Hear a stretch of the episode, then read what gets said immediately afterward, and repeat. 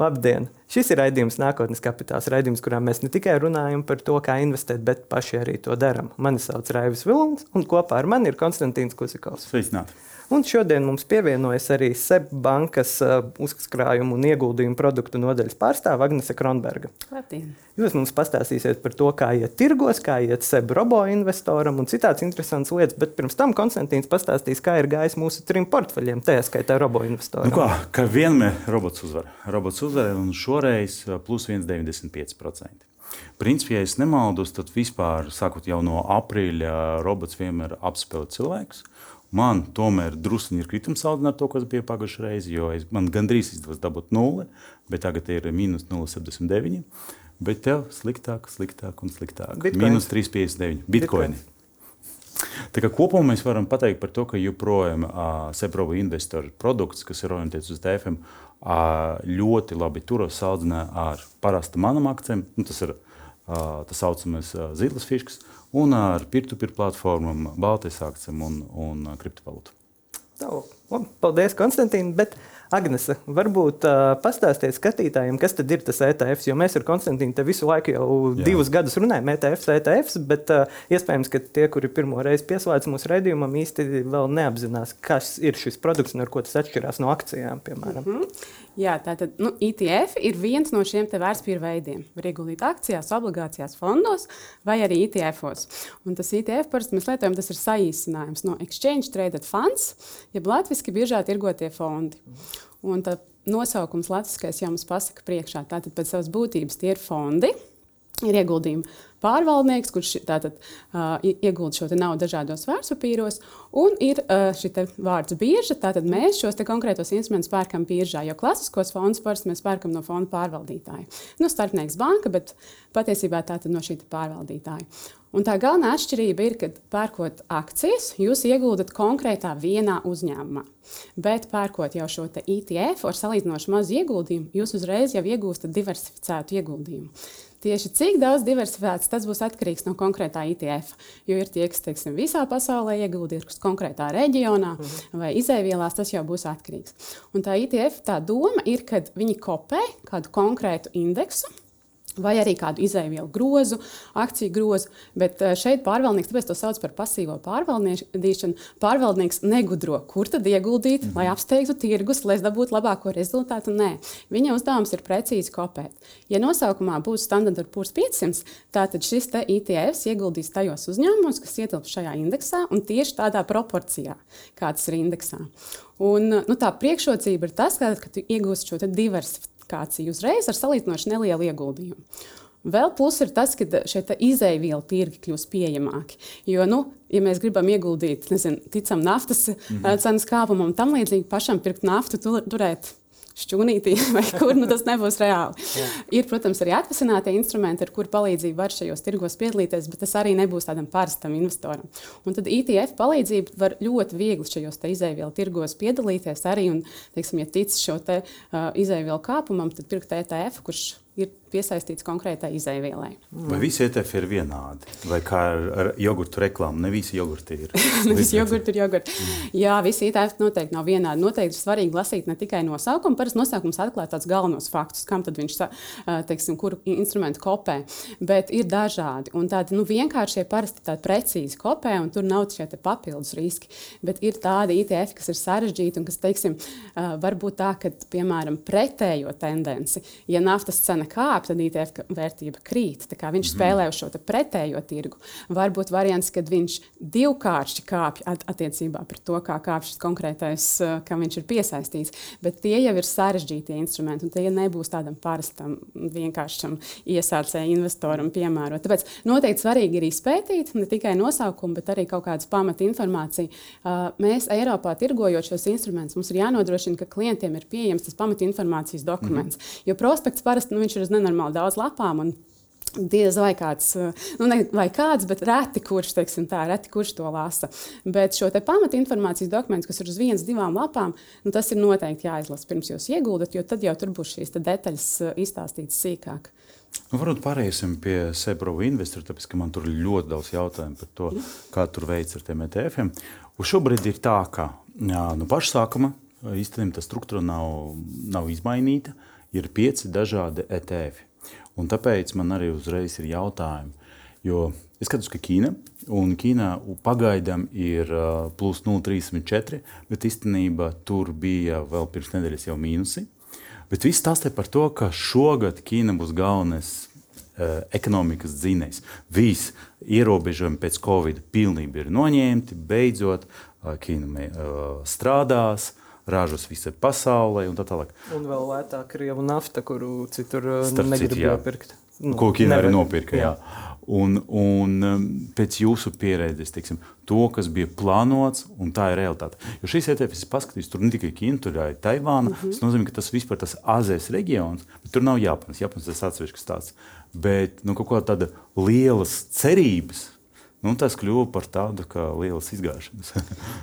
jā, nu, tā, tā ir taisnība, ka jā, tieši tā uz Ķīnai prognozēja šo izaugsmu pēc Covid ierobežojumu noņemšanas. Bet man liekas, pirms mēs pieskaramies Ķīnai vai kādam atsevišķam tirgam, jāsaprot kopumā, kas šobrīd notiek. Mm -hmm. Šobrīd ir tāds nenoteiktības periods, tāds piesardzības periods, tāpēc, ka šī augsto likmju. Uh, vide un inflācijas augstā vide ļoti daudzās valstīs.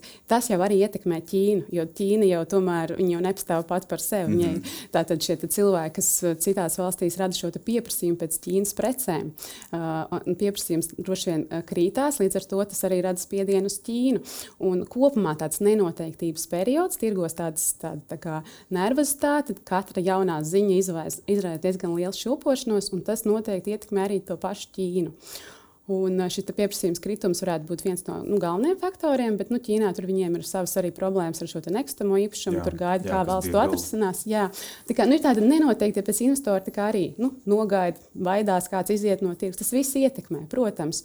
Un, uh, Jā, nu jāskatās, jāskatās. Tā Ķīna ir tāds, nu, tāds zirdziņš, ko nevar zināt, kādu gājienu nākamo viņa veiks. Jā. Varu piebilst, ka tieši ieraksta dienā Bloomberga portālā bija ziņa par to, ka Ķīnas vērtspapīru finanšu tirgus uzraugs tiekas ar pasaules lielākajiem finanšu pārvaldniekiem, lai nu, viņus iedrošinātu, lai pārstātu ārvalstu kapitāls aizplūst prom. Tā kā, ja, nu, sazin, tur vēl ir viena interesanta lieta, jo Pēc kara sākumā Krievijas statistikas pārvaldes nepulca informāciju par daudziem segmentiem. Jā. Arī Ķīna saka to darīt. Jā, jā. Jo tur skaidrs, viņi mēģina tādu veidu noslēpt kādu biznesa, finanses kāru. Tad Ķīnas gadījumā vienkārši viņi negrib rādīt, ka ir kaut kāds kritums.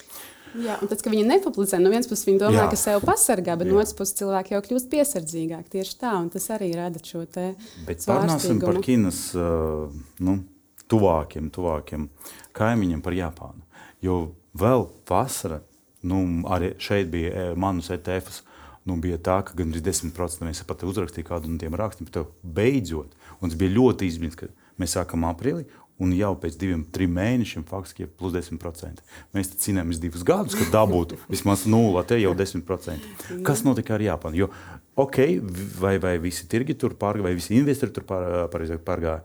Un, un netik sen vēl bija tā, ka nu, visi saka, New Black, jaunas zvaigzne. bet tomēr atkal mēs skatāmies, ka 2,59 jau šobrīd, drusku pirms nedēļas bija sliktāk, bet jau tuvojas jau 1%, bet burtiski pēc diviem mēnešiem bija 10%. Jā, nu, Tur neko neražo. Nē, tur daudz nu, ko ražo, bet ne tik daudz. Man tas uh, viedoklis ir, ka tas ir vienkārši tirgus korekcija, ka tieši mm -hmm. tā bija šis unikālais kāpums, mm -hmm. un mhm. vienkārši liela daļa nolēma piefiksēt šo à, peļņu. Un izpārdēja visu. Jā, nu, tas ir man šī, te, jā. Tas varētu jo, būt, jā. Nu, jā, Eh, es lasīju Oskarā grāmatu Naudas psiholoģiju, un tur bija ļoti interesanti par šiem tirgus kritumiem. Ka šos tirgus kritumus patiesībā ir jāuztver kā tādu dalības maksu. Jo mm. ieguldījumi šie finanšu tirgos dod mums dažādas iespējas, veiksmes faktors. Un tie kritumi, kas ik pa brīdim tā, tā ir tā dalības maksa par to, ka tu vari gūt no šīs veiksmes. Un ja tu to uztversi kā soda naudu, Un tad negūs nekādu prieku no tās dalības. Tāpēc mm. vajag uzsvērt, kā dalības maksa par to veiksmi, kas bija visu gadu. Nu, tagad ir kritumiņš, tā dalības maksa. Bet tas kritumiņš nav tik liels, pateicoties tam ETF-am, nekā iespējams, varbūt, ja tu būtu tur konkrēti, piemēram, Sonija akcijas. Jā, protams, protams. Jā, jo ETF šajā gadījumā, ok, varbūt tas nedod kaut ko ekstra. Ienesīgi, bet arī nav ekstra, ekstra zaudējumi. Bet nu, pārunāsim par, par nabadzīgāku brāli šajā ģimenē, Eiropu. Jo Eiropa vienmēr bija sarkana. Jo mēs no vienas puses runājam par to un rakstam par to, ka okay, inflācija piebremzējas. Viss. Uh, vispār ASV ekonomika nevis ir kaut kāda uzreiz tas momentāls recesijas un kritums, bet tas mājas piebremzēšanas. Tā kā viss ir kārtībā. Mēs arī redzam, pēc ETF joprojām tur 7,6, 6,8. Tas ir pietiekami labi cipari arī pēc, pēc pāris mēnešiem. Bet jūsuprāt, prognozes vai, vai vispār idejas par to, kas notika Eiropā? Jo daudzi saka, ka drīz būs deflācija bet joprojām centrāla banka turpina celt likmes, celt, celt. Bet kas tad notiek ar šo tirgu, vai, vai, mēs, vai ir vērts investēt? Nu, vai vērts investēt? Jā, tas nebūs vienkārši, vērts, vienkārši jautājums. Atkarīgs no jūsu stratēģijas, protams. Mm -hmm. Bet, ja runājam par šo Eiropu, jā, nu, viņai klājas tiešām grūtāk. Tas ir taisnība, jo, tiksim, Amerikā tur vairāk tāds pozitīvisms, optimisms šeit Eiropā nav. Un šīs likmes pat īstenībā ir zemākas kā Amerikā. Bet mēs esam, jā, tiksim, nu, tas ir viens. Un otrkārt, mēs vairāk ciešam no šīm likmēm. Jo tas ietekmē arī esošos kredītņēmējus. Piemēram, Amerikā tas ietekmē tikai jaunus kredītus. Esošos kredītus tas tik būtiski neietekmē, ja nemaina šos kredītu nosacījumus. Tad viņiem nav pakļauts šīm īstermiņa svārstībām. Nu, tas ir ļoti būtisks faktors. Jā. Uh, nu, Eiropa arī vairāk cieta tieši no šī kara, no šīm energoresursu krīzes. Tas viss ir ietekmējis to noskaņojumu. Arī tas lielais mūsu flagmanis šobrīd bremzē, kas citreiz izvēl kopējo Eiropas tādu bildi, šobrīd nē. Nu, tas noskaņojums ir tā, ka pēc šīm te, tiksim, vasarā bija uh, diezgan nu, pavasaris, vasara kāpums un tad augustā kritums. Jo it kā jau nekas tāds baigs cits nenotika. Vienkārši bija kārtējā likmes celšana. Mm -hmm. Bet tas noskaņojums pamainījās. Jo tāda kārtējā celšana sagaida, ka rudenī visdrīzāk vēlreiz cels. Nāks rudens, nāks ziema. Tātad viss saprot, ka tā situācija kļūst tāda nu, nepatīkamāka. Un viss kļūst tāda piesardzīgāka. Tas noskaņojums uz akciju tirgiem jā, nu, kļūst tāds konservatīvāks. Ir arī daudz iespēju ieguldīt fiksētā ienākumu šajā tirgu, gan depozītos, gan jā, obligācijās. Un tā jau ir nauda, kas aiziet jā, no šī tirgus. Jā, tāpēc tas arī samazina šo te Pat mana gadījumā, jo ok, izklausās tā, ka ir kritums. Es visu laiku sekoju Buffeta padomu par to, ka jāpērk tad krit, kad ir panika, tad ir jāpērk. Mm -hmm. uh, Pat paskatoties uz, uz, uz manu to ETF, tad portfeli, vai man ir vērts kaut ko mainīt? Uh, Pieņemsim, tieši tagad pelnīt Eiropu, tāpēc ka viņi ir zemāka un nenovērtēta. Vai tieši otrādi? Vispār bez kustībām, mierīgi turpināt, pārnāt visus šos segmentus, jo netik sen bija Japāna uz augšu, tagad uz leju. Varbūt pēc kāda laika ASV aizies uz, uz leju, bet Ķīna aizies uz augšu. Kāds būtu jūsu ieteikums cilvēkam, kurš tas ir pasīva investīcija? Es pieņemsim, ka parasti atnāc un paskatīs, hmm, kaut kas sarkanas vajag uzreiz likvidēt. likvidēt jā. Varbūt vispār nevajag skatīties. Tas ir vēl viens jautājums, jā. cik bieži paskatīties. Nu jā, šeit vairāk jautājumu vienkārši. Tātad pirmais par to, ko darīt. Tātad šis robo investoru portfels, to pārvalda banka. Jā. Jūs patiesībā nevarat mainīt to struktūru. Tur ir, tur ir iespēja, ka es nē. varu pirkt un pārdot. Nē, tas nenotiks. Var nospiest to podziņu, nu, tālāk netiksiet. Jā, tā kā nē, nē, nē. Interesanti, ne, tātad, es nekad to nedarīju. Jā, tātad šo pārvalda banka. Tieši tādēļ tas ir bankas pārvaldīts produkts, pasīvs jums. Banka izlems, vai mainīt proporcijas un cik daudz. Nē, jūs varat es zinu, tikai jā, par to nedomāt. Tieši tā. Tieši tā. À, es vienmēr varu lamāt tikai banku par to, ka nepareizi izvēlējos. Okay, jā. un to robo investoru. Es kāpēc tur blakus pogas pirkt, pārdot, mainīt? Nu, tāpēc, ka internetbankā vienkārši visi šie vērtspapīri rādās vienādi, mm -hmm. bet tālāk jau būs šie ierobežojumi. Jūs netiksiet līdz tam īstajai pirkšanai. Proporcijas nav iespējams mainīt. Ne. No vienas puses, man tam, tas man nepatīk, es nekontrolēju, bet no otras puses, pateicoties tieši tādai piedāvātai diferenciācijai, ir ļoti labs rezultāts. Jo tad, kad es tur spēlēju, ieguldīšu tur, ieguldīšu tur. Te varēs teikt, kurā arī. mēs, mēs iepriekšējā slaidā redzējām, ka tad, kad, tad, kad mēs spēlējamies, tad ir sliktāki rezultāti. Bet, bet jā, tad jautājums ir, skatīties, neskatīties, cik bieži paskatīties. Un, jā. Jūs izlasījāt mhm, naudas mm -hmm. psiholoģiju. Tur nebija šī atbilde. Jā. Un nav arī tāda vienota tāda ieteikuma, ka, piemēram, zobārstiem, kas varētu teikt, skatieties divreiz dienā, un viss būs labi ar jūsu portfeli. Nu, diemžēl tādas sakarības nav. Bet uh, droši vien var vilkt sakarību ar to, cik jūs esat aktīvs vai pasīvs ieguldītājs. Mm -hmm. Tātad, jo pasīvāks jūs esat, jo principā jums nav vajadzīgs skatīties bieži, jo principā jūs varat skatīties pēc iespējas retāk. Cik bieži, nu, katram pašam jānodefinē, cik viņš jūtas ērti ar to, ka viņš nezina, kas notiek. Bet nu, es teiktu, reizes ceturksnī ir pilnīgi pietiekami. Jo šis, piemēram, šis portfels, jūs tāpat nevarat ietekmēt to struktūru. Jūs nevarēsiet mainīt, vai nu jums patīk produkts kā tāds, mm -hmm. vai nu nē, un tad jūs pārtraucat, bet uh, skatīties teiksim, pārāk bieži nav vērts. Bet var sev nodefinēt to skatīšanos, cits mērķis var būt. Piemēram, jūs gribat izglītot sevi, saprast, kā mainās šīs vērtības no tā, kas notiek tirgos. Tad jau tas ir ar citu mērķu skatīšanās. Tā bija šāds tirgus nostikums, paskatos, kā tas mans portfels noriģē. Es no tā ne, neguvu stresu, es vairāk tādas izpratnē sev. Pilnīgi cita nozīme tai skatīšanai. Bet tā skatīties un baidīties, kritīs vēl, nekritīs vēl, nu, tas nebūs veselīgi. Jā. Bet kā kopumā mums Eiropā investoriem veicas pa šo vasaru? Vai kaut kas cilvēki vairāk saka ieguldīt, vai atkal vasara ietekmē uz viņiem, un tad viņi arī piebremzēs? Vispār, cik cilvēki biežāk skatās vasaru nekā rudenī? Tieši cik viņi skatās, mēs nepētām, kaut gan varbūt teorētiski varētu šos klikšķus saskaitīt. Bet, jā, vasara ir tāds piebremzējuma laiks, teiksim, jaunu klientu ziņā. Viņi ir mazāk, bet, piemēram, šobrīd augustā mums ir akcija kopā ar Delfi. Tātad tie, kas piesakās robo investoram, iegūs Delfi abonementu vienam gadam. Jā, tikai tas atkal pavirz šo aktivitāti. Bet nu, mēs sagaidām, ka ar rudeni varētu atgriezties atkal lielāka aktivitāte tieši jaunu klientu ziņā. Mm -hmm. nu, kā parasti mēs arī skatāmies uz, kas notiek no biržas. Jo, jo, bet ar ūdens tas ir septembris. Septembris ir vissliktākais mēnesis vēsturiski vispār tirgu. Paskatīsimies, kas būs. Bet par to bet mēs parunāsim oktobrī. Jā, ir labi tādā zemākā kritumā. Jā, Ap, jā, jā. bet varbūt no robo investoru pārēsim pie S&P 500 indeksa. Atkal divi grafiki. Viens no kuriem rāda par to, kā šogad gāja, kā no 3,8 tūkstošiem jau tagad pievienojas, pietuvojas pie 4,4 tūkstoši, nu 4307. Bet uh, pirms gada, pirms gada bija 4200, tagad 4300. Kā, nu, faktiski, ja gada sākumā vēl ir kaut kāda izaugsme, gada grieķa 12 mēnešu, nu, gan ir tas pats. Vai augs, vai kritīs?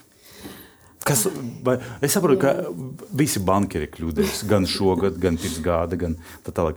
Bet kas var ietekmēt gan uz labu pusi, gan uz sliktu pusi? Mm -hmm. Ja skatās šogad īstenībā, jo viņam tieši tā ir labi gājis, uh, septiņi, septiņu mēnešu laikā, seši mēneši ir bijuši ar pozitīvu rezultātu. Tā kā ieskatās mm, mēnešu griezumā. Jā, jā, jā. jā. Uh, bet nu, tā minētā nenoteiktība, par ko jūs teicat, tā, protams, ietekmē arī Ameriku. Un, uh, tik nesen paceltas likmes, un šobrīd arī teiksim, tirgus ir krities, jo gaidot šo Jackson Hole notikumu, kurā ekonomisti runās par šīm turpmākajām ekonomikas uh, attīstības iespējamajām scenārijiem. Tātad jau pirms kāds ir šo runu sniedzis, jau tirgus ir reaģējis pesimistiski, krītot jau pēdējās dienas, jo Tad viņi jāpēc. sagaida, jo viņi sagaida tātad, ka šīs ziņas, kas iznāks, nu, nebūs pozitīvas. Kādas tās būs, redzēsim, tas atkal ietekmēs tirgus. Tātad... Tas ir viens notikums, vai tuvākā laika vēl būs kaut kas? Kaut kādu vēl nu, šis ir tas samit. tuvākais, tas jā, ir tuvāks, kas ir šobrīd. Tad rudenī arī gaidāms no centrālajām bankām tādi kopējie, nu, gan Eiropā, gan Amerikā ziņojumi par ekonomiku, un arī tos noteikti tirgus gaidīs. Jo tas, ko tirgus man liekas gaida, viņi gaida kaut kāds tāds pozitīvs signāls, ka redz, ka ar to inflācijas. Tikai ļaujiet mums izaugt. Jā, tikai, ka inflācijas tā apkarošana izdodas, ka tā likuma celšana tā kā, nu, neturpināsies vairs ilgstoši. Mm -hmm. kā, nu, pra, viņi gāja to signālu, ka būs tas uh, kaut kāds pavērsiens uz pozitīvo pusi. Kamēr šāda signāla nav, tikmēr ir šī nenoteiktība, tāda piesardzība, un tāpēc tie tirgi jā, tās vārstās. Nu, tagad arī pēdējos mēnesīs, tad, tad vasarā vispār par cik tirgus ir mazāk aktīvs, tad katra atsevišķā kustība nu, izraisa lielāku viļņošanos. Tas arī jāņem vērā. Tā ir, tā, tas, tas ļoti bija pamanāms. Un pārējot pie mana portfeļa, ir pāris jautājumi, kas man ļoti interesanti, ar kuriem apspriest tieši ar jums. Jo pirmais un būtiskākais - visu laiku stāstīja par SP 500, ka tehnoloģisko uh, uzņēmumu īpatsvars ļoti liels un tās akcijas nenormāls pārvērtēts. Es pirms diviem gadiem atceros, ka es pirku Apple vēl par 150, viņš nokrita pa 136, es domāju, ārpus ar tagad gandrīz 200 bija.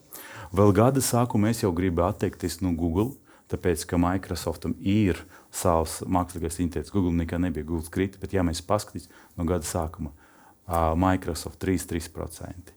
Google 47% izaugsme, Apple 3,4% izaugsme. Vai ir vērts turpināt investēt, pārvērtēt tirgu? Vai mēs tikai tagad domājam, ka viņš ir pār, bet īstenībā mēs īstenībā vēl nezinām, cik viņš ir būs. Ko tad ar to visu darīt? Jo tas ir piemērs, ka nu, ideāli ir jāturpina, bet mm -hmm. kaut kā tas uh, dotcom burbulis, kas bija 2000 gadu, visu laiku tuvojas. Tad nu, varbūt, varbūt būs atkal. Nu, jā, ar, šīm te tehnoloģijām. Domāju, mēs visi saprotam, ka tehnoloģijas attīstās, un Jā. tas, tā virzība šajā virzienā noteikti būs. Bet to nevar likt visus kā, vienā maisā. Tur ir jāstāsta katrs uzņēmums atsevišķi. Mm -hmm. Es neesmu pētījis šiem te šos te Nu, rādītājs. Tur, būs, jā, nu, tur būtu jāpēc šie rādītāji un jāsaprot. Jo, protams, jā, ir tādi signāli, ka varētu būt uzņēmumi, kur ir pārvērtēti tieši tādā, ka viņi pārāk populāri, pārāk jā. daudz viņu pērk. Tas var būt, jā, var būt iemesls tam, ka nu, kādu brīdi viņi vairs neaugs, kritīs. Varbūt, bet tas jāpēc kāds instruments atsevišķi. Jā. Vai nav tā, ka visi vienmēr šīs akcijas ir ETF un tāpēc viņi aug? Uh, tas ietekmē, protams, ja ir iekļauts ETF, tas arī ietekmē šo pieprasījumu, jo nu, tas papildus uh, tirgus. Jā, jā. jā, nē, ar, arī visu mazo investoru entuziasms vēl aizvien var atgādināt par šiem mīmīm investoriem, mm -hmm. kuri, jo es uh, nu, gan darba vajadzībām, gan interesi pēc, piemēram, te pašā reditā lasu, uh, kas tiek rakstīts un, teiksim, pieņemsim, Ļoti interesanti, ka tajā nu, joku akciju, mīmīmu akciju sektorā, piemēram, Tesla parādās. Gan, nu, jā, tas ir Loģi. milzīgs uzņēmums, un, un, bet viņi vēl aizvien skatās uz šiem uzņēmumiem. Viņi arī lielā mērā tās cenas mēdz nosvērstīt un ietekmēt. Jo, nu, teiksim, ja gada sākumā ieguldītu Tesla, tad šogad būtu bijis pavisam labs rezultāts. Jo Tesla, piemēram, ļoti jauka vai Nvidia. Tā kā jā. tie mazie investori arī, protams, tur nevar salīdzināt tos bet naudas apjomus, kas ir tiem lieliem fondu pārvaldītājiem, bet kaut kādu tirgus sentimentu iespējams, ka viņi nu, tieši var. Bet tu pateici, ja šogad sākumā, bet ja mēs pirms gada runātu, jau tā ir laika vispār pateikt. Tesla pārvērtēt, Nvidia pārvērtēt un vispār tā tālāk. Bet labi, nākamais segments, par kuru man ir satraukums enerģētika. Jo uh, es skatos tā, ka zaļa enerģija, par kuru visi runā, tagad ir ļoti liela mīnusa. Un arī, ja mēs paskatāmies, tas šeit tas ir klasiskais. Nu, ok, no gada sākuma izdevies 5%, tagad augusts 7% vai enerģētika ir jāturpina investēt, vai vispār tas enerģijas krīze tagad uz leju, un principā mēs to vairs nejutīsim.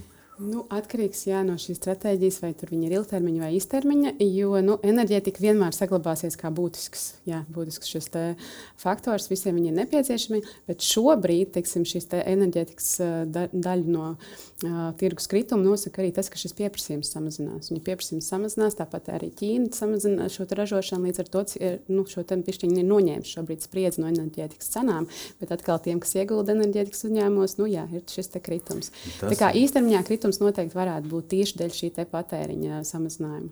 Tas Bet, ir ļoti interesanti, tāpēc, ja mēs paskatīsimies, kādas cenas tagad mums uz Rīgas uh, degvielas uzpilsētas, tad mēs redzam absolūti pretēju situāciju. Jā. Bet, nu, ko darīt? Nu, un pēdējais, kas man ļoti interesanti, tas labi, tur man četras, vispār man liekas, ka portfels nav slikts, jo no 15, 4 ir sarkana zona, bet, bet uh, vispārējais ir tā kā trapīvis, tā teikt. Protams, ka Disneja un Mazaika un, un Next Energy, nu, tas, protams, ir sāpīgi. Bet es domāju, ka Disneja pastāvēs un Mazaika šajā gadījumā lauks ASV tirgu, tas ir lauksaimniecības segmenti, ir otrais. Bet man ļoti interesanti par Coca-Cola. Jo Coca-Cola parasti ir tas, ka nu, tas ir vērtības akcija. Tad, tad, kad ir augsta inflācija, ir jāiegulda vērtības, jo pieauguma nebūs. Ko mēs redzam? Tirgus svārstās, uzreiz tehnoloģiski giganti iet uz augšu. Coca-Cola man tagad jau minus divi. Nesaku to, ka divus gadus viņa ir ļoti stabili turējis. Paskatījos vēl, ok, tur internetu brokers ir prognozes. Prognozes ir sarkanas, bet es paskatījos par visam savām akcijām. Par vienu no Beča Heta viņi neko nedod, bet viņi visam pateica, ka būs slikti. Pat tām, kas tagad aug, bet ilgtermiņā viss nokrīt. Izņemot Visa un New York Times. Vispār man nav skaidrs, kāpēc Visa un kāpēc New York Times. Bet, Ot, ko man šajā gadījumā darīt? Ot, es skatos, vai nervozēt, vai, vai bet tas ir tāds globāls jautājums. Tās man jau ir, tās man jau ir, bet globāli vai notiek tā pārējā, ka ok, augstas inflācijas laika viss saka ekonomiski par to, ka vērtību akcijas, tad, kad ir izaugsmē, tad mēs ejam uz uh, growth shares. Vai, vai jāmaina, vai tomēr nē? Tas ir tāds, man liekas, no tādas klasiskās ekonomikas grāmatas, jā, kad nu, tā tie tirgi spēlē. Bet uh, jāsaprot arī to maiņu. Lai to maiņu veiktu, ir svarīgi noķert pareizo brīdi. Mm -hmm. Un uh, ķerot to pareizo brīdi, nu, var, var, gadīt, kļūdīties. var kļūdīties tieši tā. Un, ja tā stratēģija ir ilgtermiņa, nu, Jautājums, jā, kāds turēs šavs, šo ieguldījumu, neskatoties uz to, kāds ir teiksim, tirgus cikls, kāds kādā, katrā tirgus ciklā mainīs. Tas ir ļoti atkarīgs no šīs stratēģijas, cik viņa ir aktīva. Bet nu, vienmēr tas risks no, nenoķer tos īstos momentus tajā maiņā. Tikai es ieteiktu būt piesardzīgiem ar to. Un starp citu, starp, par Coca-Cola viņa ir arī Varena Buffeta portfelī. Tā kā var paskatīties, ko viņš dara. Nu, viņš turpina kā turēt, izskatās. Viņš kādreiz pateica, ka mēs nopirkam Coca-Cola tik sen un tik zemi, ja viņu vērtība nokrist par 90%, mums būs peļņa. nu, tas, jā, bet tik un tā var būt. Tas viņa, protams, viņam ir cits izējas.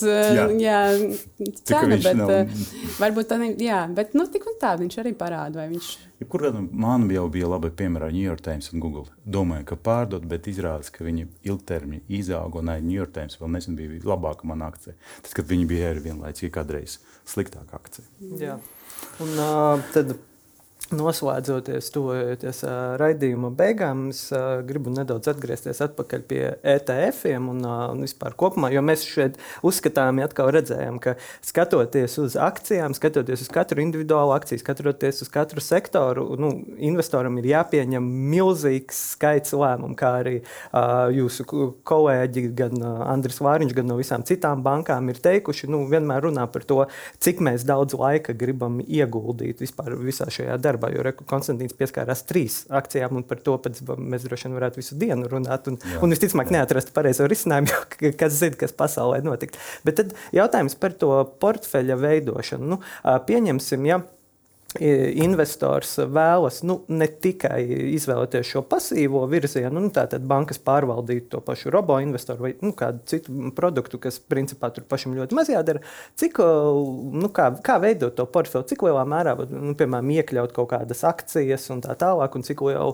būtu labi tādus ETF-us vai varbūt kaut kādus citus pasīvos instrumentus. Piemēram, tās pašas krāju obligācijas, kuras mhm. šobrīd arī ļoti daudz eksperti saka, ka, nu, ka tas ir foršs ieguldījums, 4% neko nedarot. Un bez riska gandrīz vai. Nu, mm. jo, un nav jādomā. Un, un, un nav nodokļu jāmaksā. nav nodokļu, jā. Jā. Tur ir daudz pozitīvu. Kā veidot to portfeli? Nu, man liekas, ka vajag sākt ar šiem jau gataviem risinājumiem, un tad pielikt klāt kaut ko. Nevis tā kā jau uzreiz tajā pirmajā dienā izdomāt visu Apple, to. Jā. Nu, tā kā vai, visu pilnīgi, kuras jā. tad akcijas, kuras tad mm -hmm. ETF. Mm -hmm. Sākt ar šo, te, ja vispār nekā cita nav bijis, sākt ar, ar tādu gatavu risinājumu, pasakot līdzi, sākt pētīt, un tad jau radīsies tās idejas, kādus kaut kādus individuālos pielikt.